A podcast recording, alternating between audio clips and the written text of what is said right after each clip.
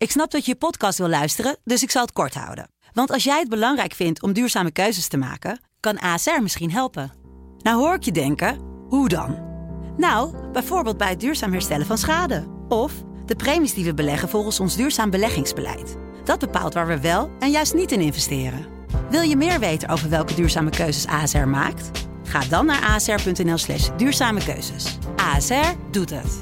Zo, dan kan je nu lekker naar je podcast luisteren.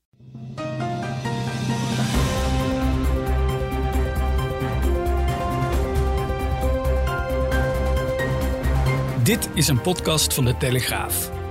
In het land van Wierduk met Robert Ophorst. Donderdag 10 december. Ja, we staan uh, op een tweesprong, hè, Wiert.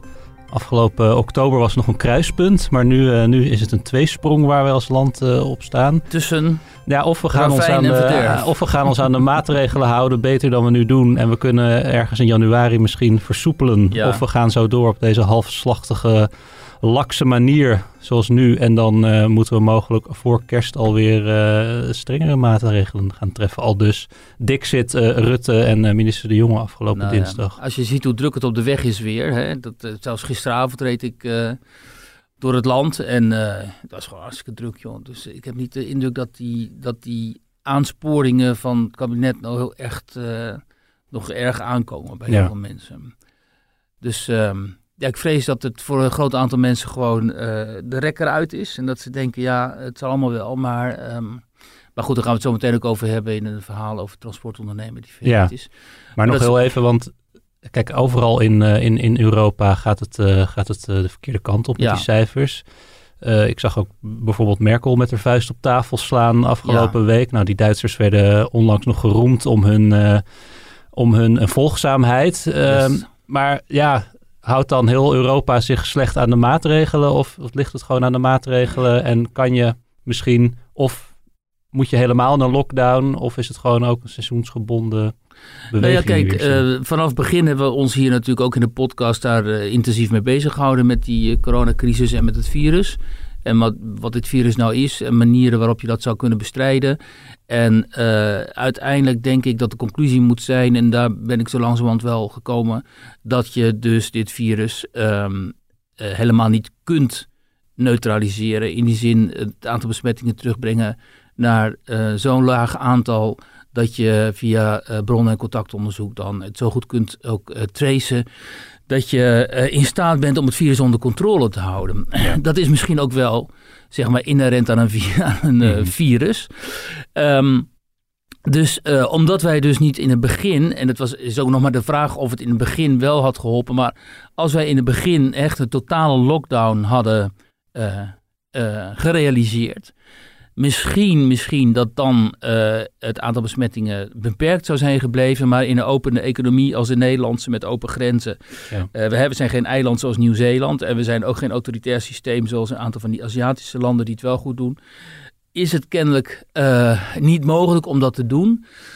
En nu zitten we in de situatie, denk ik, waarin we vooral moeten hopen dat um, uh, de vaccinaties zo snel mogelijk zullen gaan en mensen zo snel mogelijk ingeënt zullen worden, waardoor die immuniteit optreedt en we gewoon verder kunnen gaan. Maar ik geloof niet meer in uh, lockdowns en uh, strenge maatregelen en zo, omdat gebleken is dat het ja. nauwelijks functioneert en omdat heel veel mensen zich er gewoon niet meer aan willen houden, omdat ze ofwel failliet gaan of uh, anderszins uh, geestelijk uh, kapot gaan aan die maatregelen en ze dit gewoon niet meer trekken.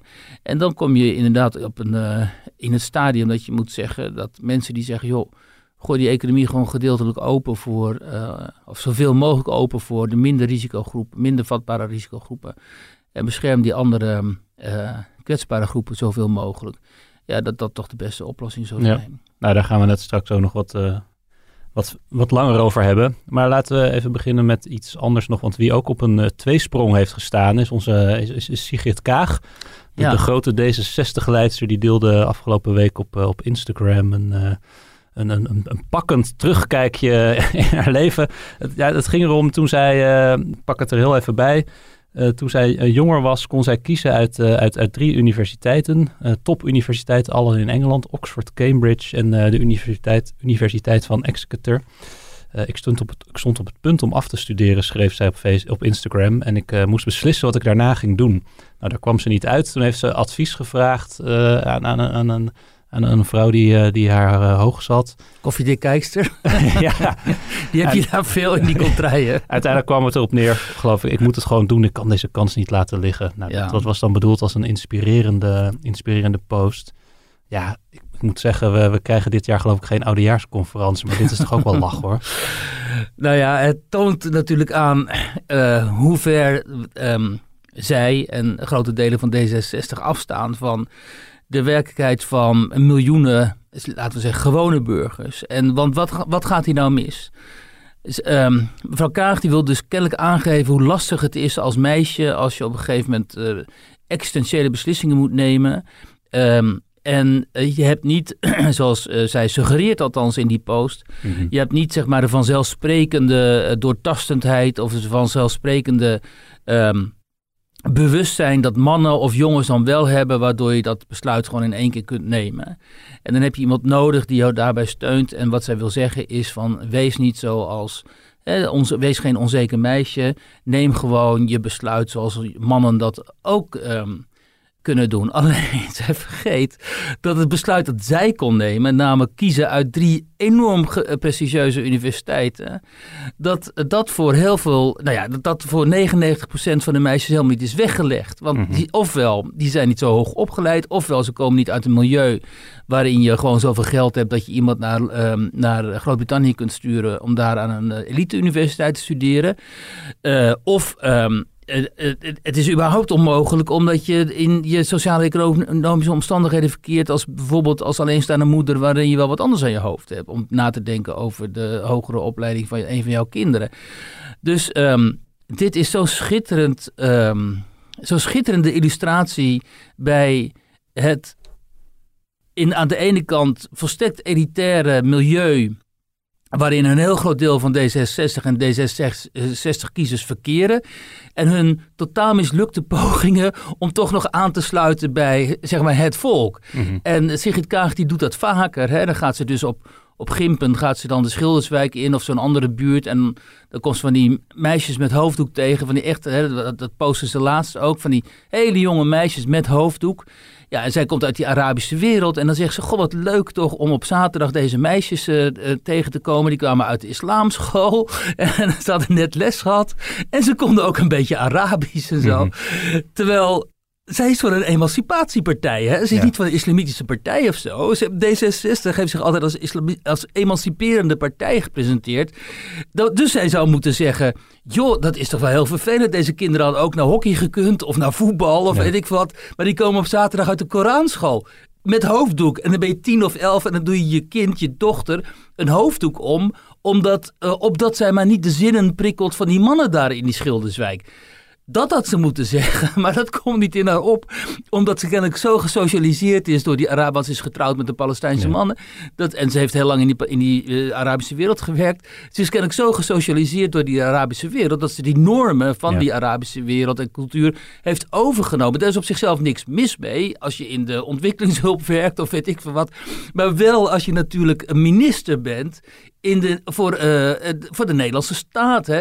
Stel je voor dat dit in Frankrijk was gebeurd. Als zij dus een minister was geweest in Frankrijk en zij had zoiets gepost, dan, had dus, dan was ze nu niet meer minister geweest. Hè. Dat was gewoon onmogelijk geweest.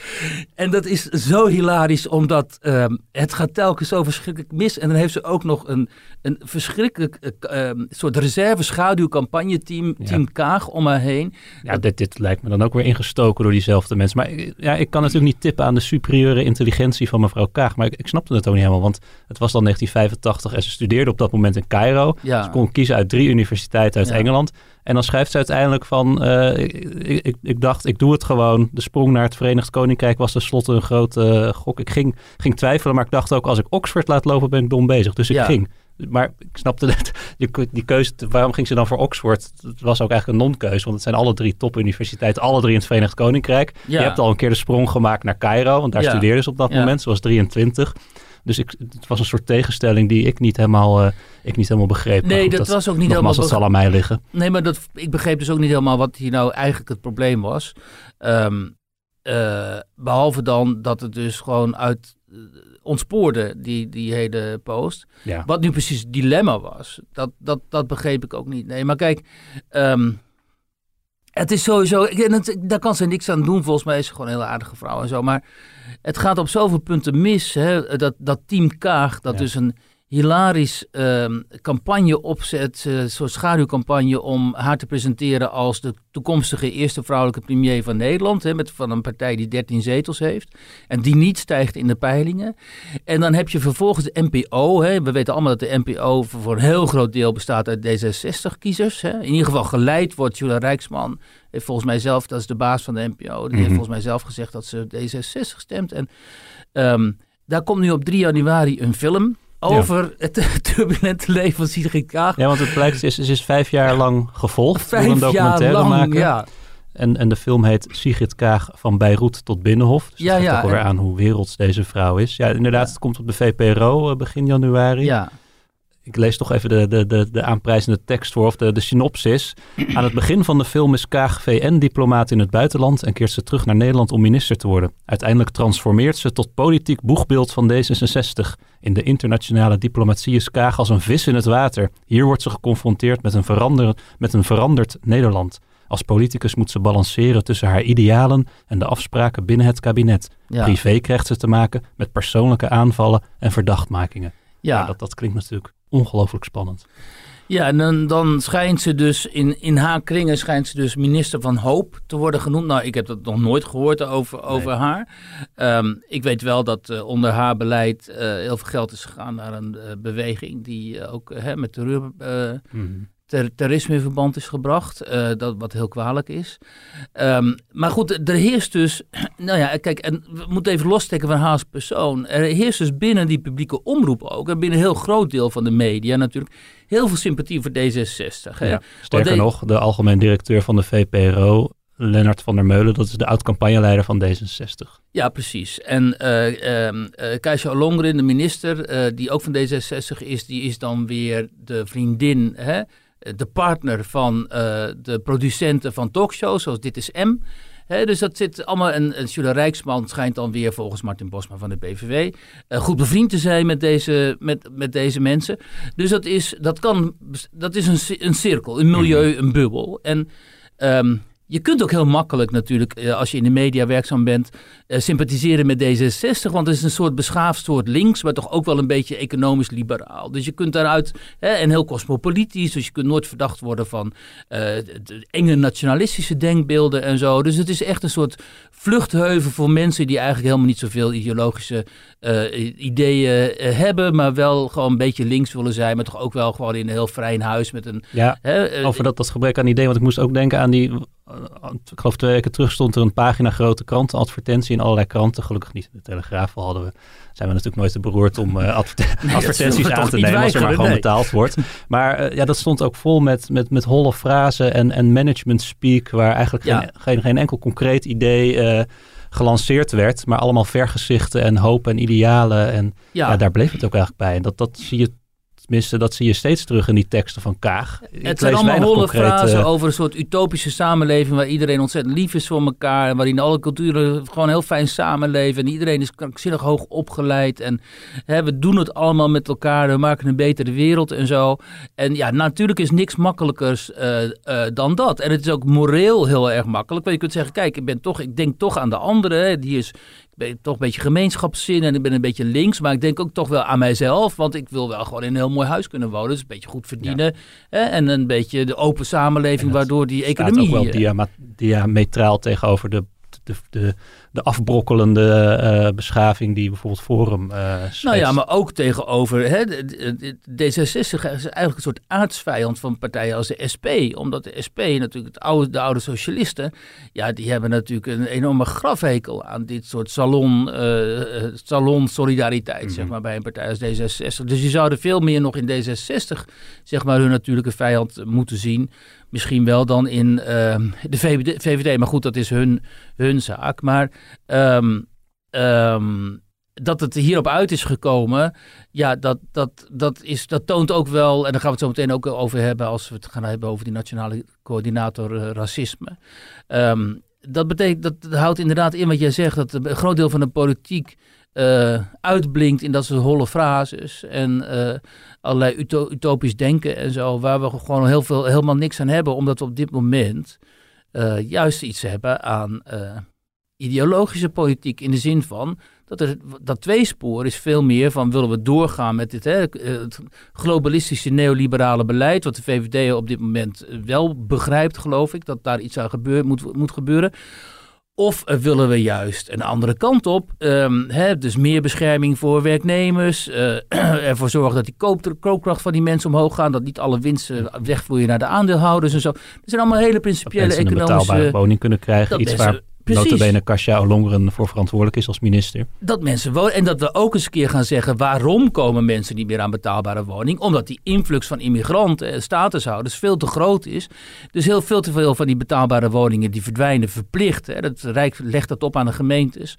Uh, naar statushouders. Waardoor mensen, autochtone jongeren... bijvoorbeeld geen sociale huurwoning meer kunnen krijgen. Dat zijn allemaal hele belangrijke thema's. Hè. En waar dan ook weer taboes op rusten. Want oh, oh, immigranten, daar mogen we niet over maar hebben. zou je daar dus oplossingen of ideeën over willen horen in zo'n campagne. Niet over, uh, ik studeerde in Cairo en ik kon kiezen tussen drie uh, topuniversiteiten. Ja, natuurlijk. Ga eens zeggen tegen die jongeren die hier in uh, Amstelveen wonen en het huis niet uit kunnen omdat omdat die markt helemaal verstopt zit vanwege de vele Indiërs, in, Indiaanse expats die daar zijn komen wonen.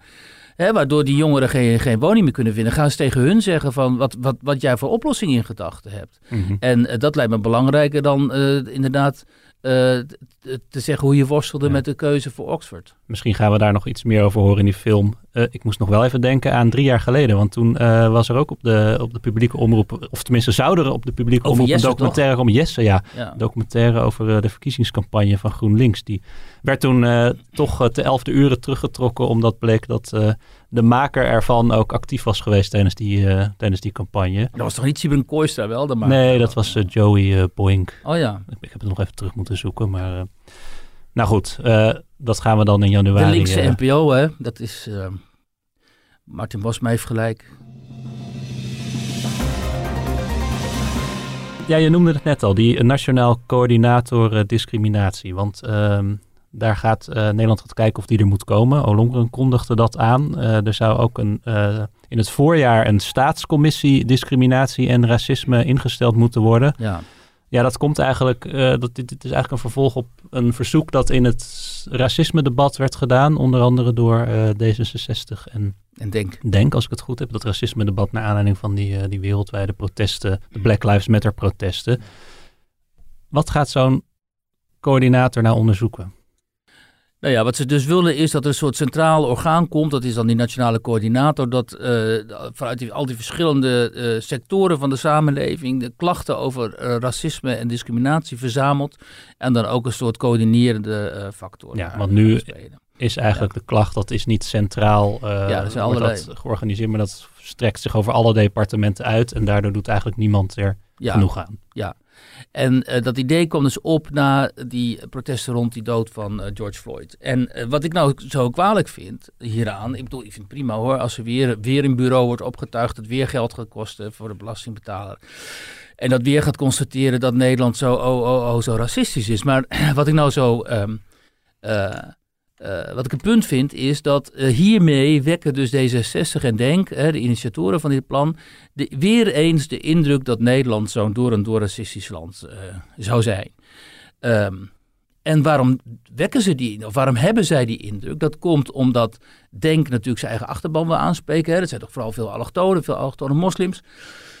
En uh, D66 laat zich voeden in besprekingen over dit soort kwesties door die activisten van Black Lives Matter en Kick Out Zwarte Piet en zo. Die waren van de week ook weer uh, in de Tweede Kamer om daarover te spreken. Mitchell Jezajas die was daar van de Black Archives onder andere en ook van Kick Out Zwarte Piet. En toen hij daar zat werd notabene zijn eigen huis beklad, eh, schijnt mhm. het.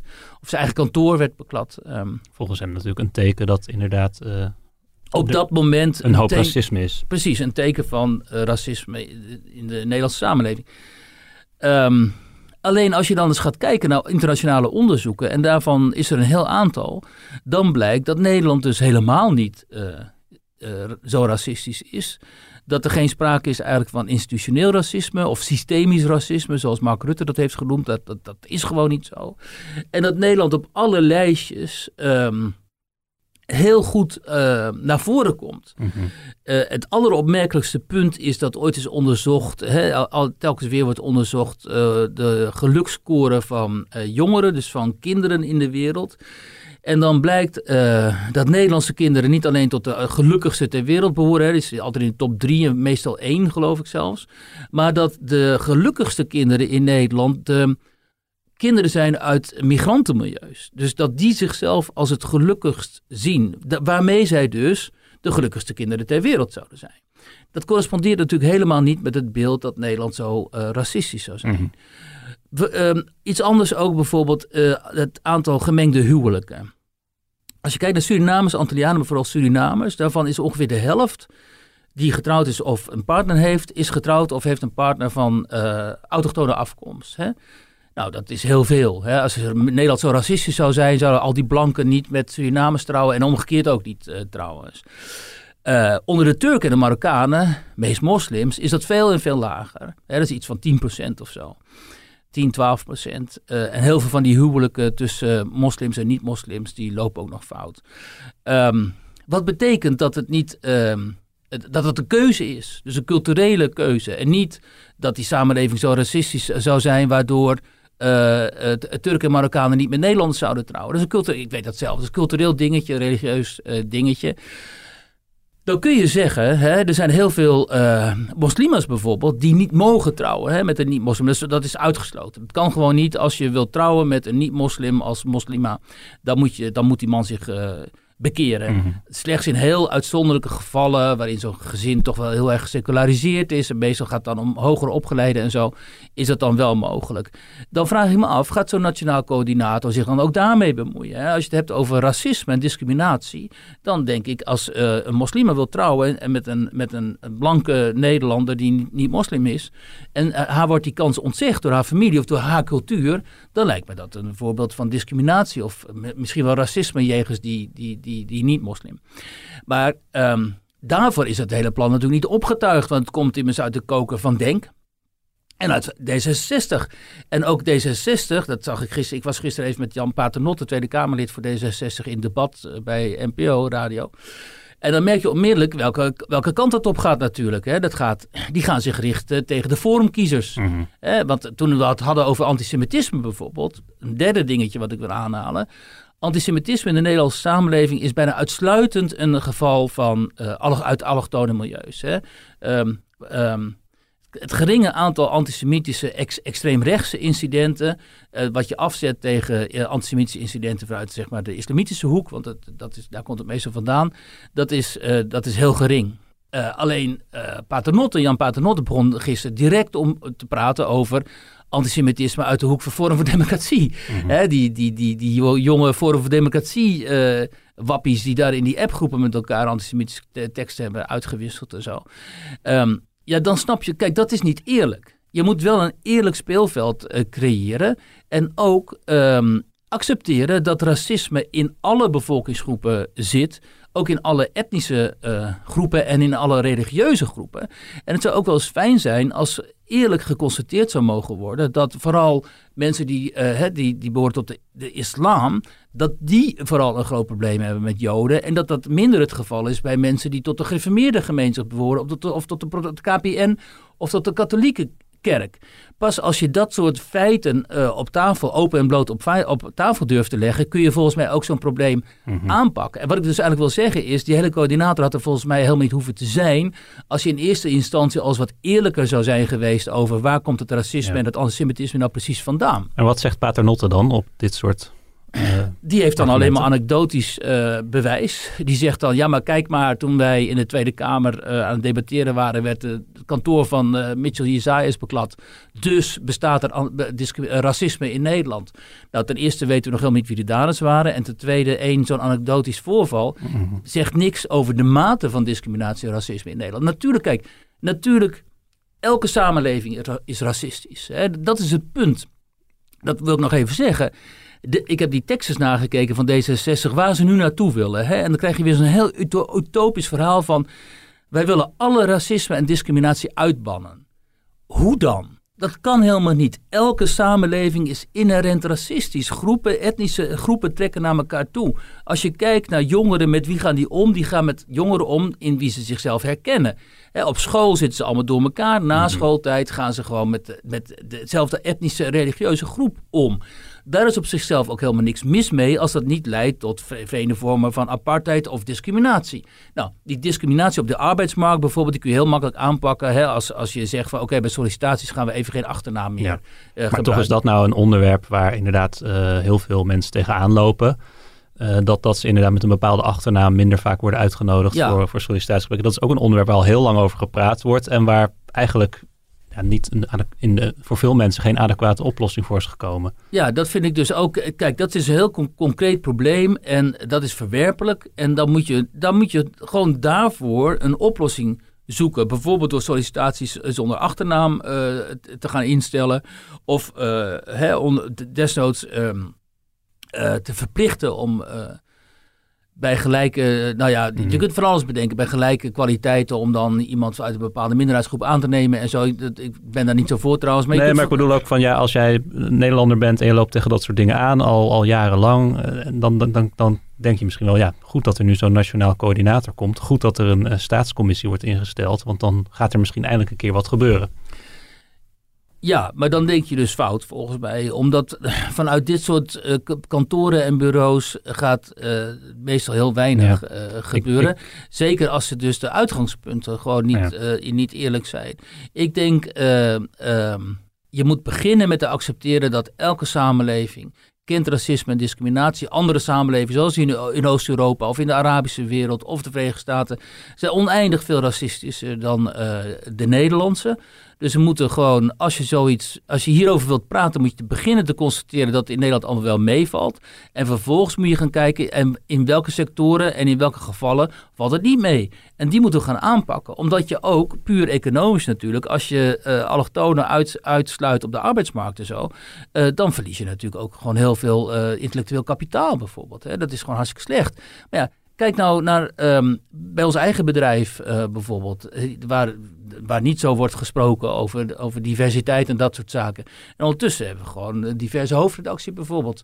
Dus het, het kan heel makkelijk. Het kan gewoon op een hele stille en normale manier. Als je hier op een redelijke en, uh, en niet, uh, niet emotionele manier mee omgaat. Mhm. En gewoon mensen op hun kwaliteit ja. benadert en, en accepteert. Ik, ik moest trouwens nog wel denken bij staatscommissie. Ja, een van de uh, laatste staatscommissies is de staatscommissie Remkes geweest naar de parlementaire vernieuwingen. Dat, dat rapport is toen aangeboden aan minister uh, Ollongren van D66. En dat is volgens mij in een onderste la ergens beland. Ja. En hebben we sindsdien niet heel veel meer van gehoord. Dus dat ja, wil ook niet altijd zeggen dat er, uh, dat er wat wordt gedaan met dat soort adviezen.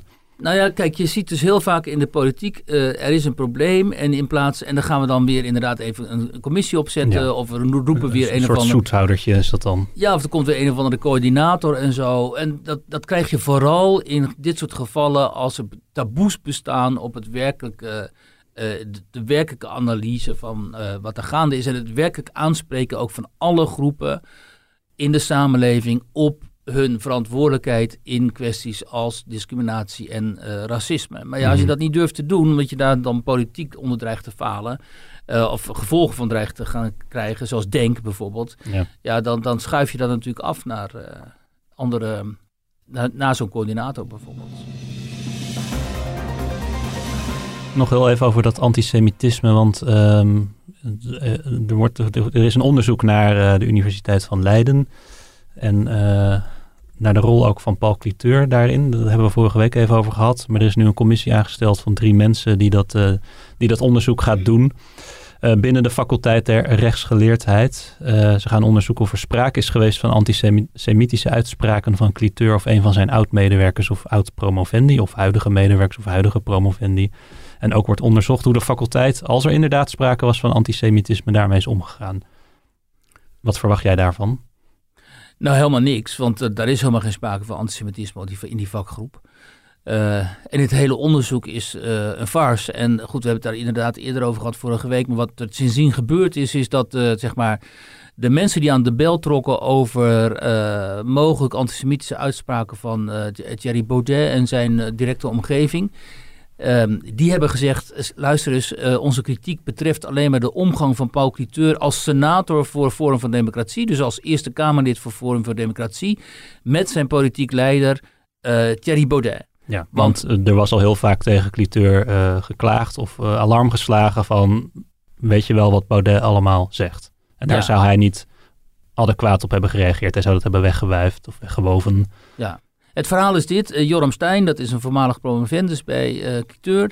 Die heeft ooit bij Cliteur aan de bel getrokken en gezegd... luister eens, uh, Paul, ik hoor allemaal verontrustende verhalen over Thierry Baudet... en, zijn, en diens antisemitisme. En het komt niet uit één bron, dat komt uit verschillende bronnen. En vind jij het niet tijd om Thierry daarop aan te spreken? En toen heeft Cliteur geantwoord... ja luister eens, um, ik weet niet wat die mensen tegen jou zeggen. Uh, um, ik weet alleen maar wat ik zelf hoor van Baudet en diens omgeving. En daar hoor ik geen antisemitische extreemrechtse uitspraken. Dus ja, wat, kan ik, wat wil je precies dat ik doe? En die Stein, Stein heeft toen zwaar aangedrongen bij Cliteur. Hij is ook met namen gekomen. Kijk, Douglas Murray, die auteur, heeft dit gezegd. En Joshua Mitchell heeft dit gezegd, is een andere auteur. En, uh, Mensen die veel met Baudet omgingen in die tijd. Precies, eh, de internationale zeg maar, intellectuelen met wie uh, Baudet destijds veel omging. Uh, een, een, een oud jeugdvriend van Baudet heeft dit gezegd. En nog een aantal en nog enkele mensen. Waarom neem jij niet serieus wat ik jou vertel? En de cliteur die bleef bij zijn standpunt. Ja, maar wat wil je dan? Dat ik die mensen ga bellen? En toen heeft uh, Stijn gezegd, nou, het zou wel fijn zijn als je die mensen zou gaan bellen. En toen zei cliteur, ja, dat doe ik niet, want... Um, uh, ik ga veel met hem om en ik kan hem beoordelen op wat hij mhm. tegen mij zegt. En ik hoor niks antisemitisch. Toen uh, is uh, Stijn met een aantal andere mensen, drie andere mensen, is hij, die ook bij Paul Cliteur hadden geklaagd over dit geval. Hè? Die hadden gezegd, moet jij, die, moet jij die kritiek van Joram Stein niet serieuzer nemen? Want wij horen ook dingen. Um, toen er niks gebeurde, zijn die vier uiteindelijk naar uh, Geen Stijl gestapt, de website. En die hebben daar hun verhaal gedaan. En daaruit, uit die tekst, die toen op Geen Stijl verscheen, is dit onderzoek voorgekomen. Maar toen hebben zij gedacht, ja, maar dit was niet onze bedoeling. Onze bedoeling was om Paul Cliteur als senator en politicus voor Forum van Democratie aan te spreken, maar niet Paul Cliteur als hoogleraar in Leiden. En zeker niet als hoogleraar, als, leider van die vakgroep. Mm maar het onderzoek gaat nu wel over antisemitisme binnen die vakgroep. En, en de ironie wil, of de tragiek wil, dat binnen die vakgroep bijvoorbeeld ook iemand als uh, Afshin Elian, onze columnist bij de Telegraaf ook, actief is. Die notabene is gevlucht voor repressie door een zeer antisemitisch regime in Iran. En als iemand al een liberaal is van de, de, van de oude stempel en totaal niet antisemitisch en niet bevooroordeeld, dan is het Afshin Elian wel. Dus het is echt... Um, heartbreaking eigenlijk, zoals dat heet. En ook wel schandalig dat er nu een onderzoek wordt ingesteld naar mogelijk antisemitisme door mensen als Afshin Elian. Terwijl er helemaal geen sprake van mhm. eh, kan zijn. En, ehm, maar loopt zo'n uh, faculteit da daardoor dan ook uh, onherstelbare schade op? Want ze kunnen ook zeggen van ja, die uitkomst wordt in januari, moet, moet dat onderzoek zijn afgerond. Ja. Kan je ook zeggen van nou, als er niks te halen valt, dan zullen ze ook tot die conclusie komen. En dan is het onderzoek afgerond, geen, uh, geen sprake van antisemitisme en weer door. Ja, dat zou, dat zou je kunnen hopen. Maar ja, je weet zelf hoe het gaat. Als je eenmaal geframed bent, ook als journalist, dan blijft dat toch altijd wat aan, aan hangen. Dus aan Paul Cliteur zal dit ook uh, blijven plakken. Goed, die gaat volgend jaar, meen ik, met emeritaat. Dus uh, die, die zal er uiteindelijk niet meer zoveel last van hebben. Maar um, het gaat hier ook om het principe. De, een andere columnist van ons, Nazi Marber, die schreef ook op Twitter... Het, onderzoek zou gestopt moeten worden, omdat uh, het gaat om het, om het principe dat hier onderzoek wordt gedaan naar iets wat er gewoon niet is. Mm En als je dat onderzoek toch doet, dan suggereer, wek je in ieder geval de suggestie dat het, uh, dat het er wel zou zijn.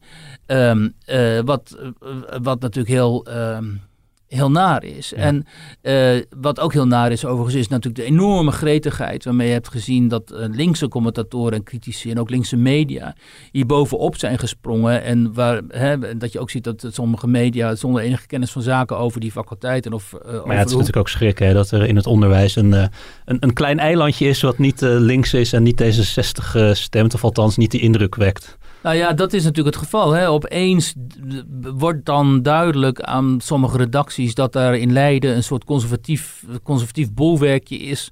te midden van een linkse zee. Hè, van Leo Lucassens en Nadia Boerassen, die daar allemaal hun linkse gedachtegoed uit kunnen uitventen. Met enorm veel virulentie ook. Hè. Ook op Twitter. Hè. Dit zijn echt dus wetenschap, wetenschappers, medewerkers van de Universiteit van Leiden, die gewoon op Twitter af en toe uh, Lucas minder trouwens, maar zo Nadia Boeras ook echt, agressief uh, zich gedragen tegenover andersdenkenden. En um, uh, ja, en als, dan, als, als zij er toch niet in zijn geslaagd, kennelijk, om dit conservatieve bolwerk de mond te snoeren, dan moet dat kennelijk maar met uh, behulp van linkse media, hè, die, die bovenop doken en probeerden om inderdaad daarin Leiden een antisemitische cel te, te ontwaren. Nou, die bleek er niet te zijn. Um, maar die gretigheid. Um, daar moet je wel voor oppassen, vind ik. Net zoals dat wij, of wij, maar net zoals dat krantmedia die dan zeg maar wat conservatiever zijn of wat liberaler, moeten oppassen dat ze in die kwestie met GroenLinks, hè, waar die, die, die dame op negen staat, die koud daar, mhm. die band heeft met de moslimbroederschap, dat je daar uh, geen karaktermoord pleegt, maar dat je gewoon blijft beschrijven, nuchter, dat die banden er zijn, dat die er aantoonbaar zijn en dat dat, dat dat dus ook een reden is om ehm, je te verbazen over het feit dat ze bij een partij als GroenLinks uh, op de kieslijst uh, kan staan, terwijl ze eerder thuis horen bij NIDA of bij, bij DENK. Hè, waar dat soort gedachtegoed gewoon uh, kind aan huis is, laat het zo zeggen. Laten we nog even over corona hebben. Jij was deze week bij Jean-Paul van Wel. Dat is een ondernemer uit Hendrik Ido Ambacht. Hij zit in de, in de transportsector. Hij heeft een expeditiebedrijf en eigenlijk ja, hij zei zo goed als, uh, zo goed als failliet, begreep ik. Wat, wat, wat is het voor man? Nou ja, hij heeft uh, vanaf zijn uh, zestiende of zo werkt hij al in de transportsector. Want hij wilde altijd vrachtwagenchauffeur worden, net als zijn vader. En hij kon niet, zegt, school interesseerde hem niet zo. Dus hij is helemaal gepokt en gemazeld en opgegroeid in die transportwereld. En uiteindelijk drie jaar geleden is hij een eigen bedrijf begonnen met een jonge partner samen. En dat begon ook aardig te lopen. En toen internationaal transport, vooral op Frankrijk en op Duitsland. dat liep aardig. Hè, op, in de beste maanden hadden ze zo'n omzet van 160.000 euro of zo. Dus dat ging goed met z'n vieren. Hij met de partner en nog twee medewerkers. En toen sloeg corona toe. En toen met die lockdowns in die landen, in die, in die buitenlanden.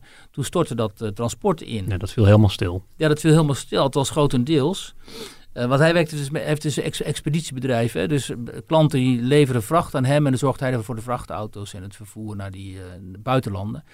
Ja, op een gegeven moment was het in Frankrijk en Duitsland natuurlijk niet meer te doen. En um, uh, bij hem zie je dus eigenlijk die teleurgang in tijden van uh, corona. Dat hij zijn rekening niet meer, niet, meer kon betalen, salarissen niet meer kon betalen. Nu krijgt hij wel die, in die tweede coronacrisis krijgt hij steun van de overheid dan. Dan kan hij in ieder geval die medewerkers nog een paar maanden betalen. Maar daarna is het waarschijnlijk wel afgelopen. Want hij valt wel onder de NOW-regeling, neem ik ja, Dat, ja, dat wel. De eerste keer heeft hij daar nog geen beroep op gedaan, zei hij, maar nu dus wel.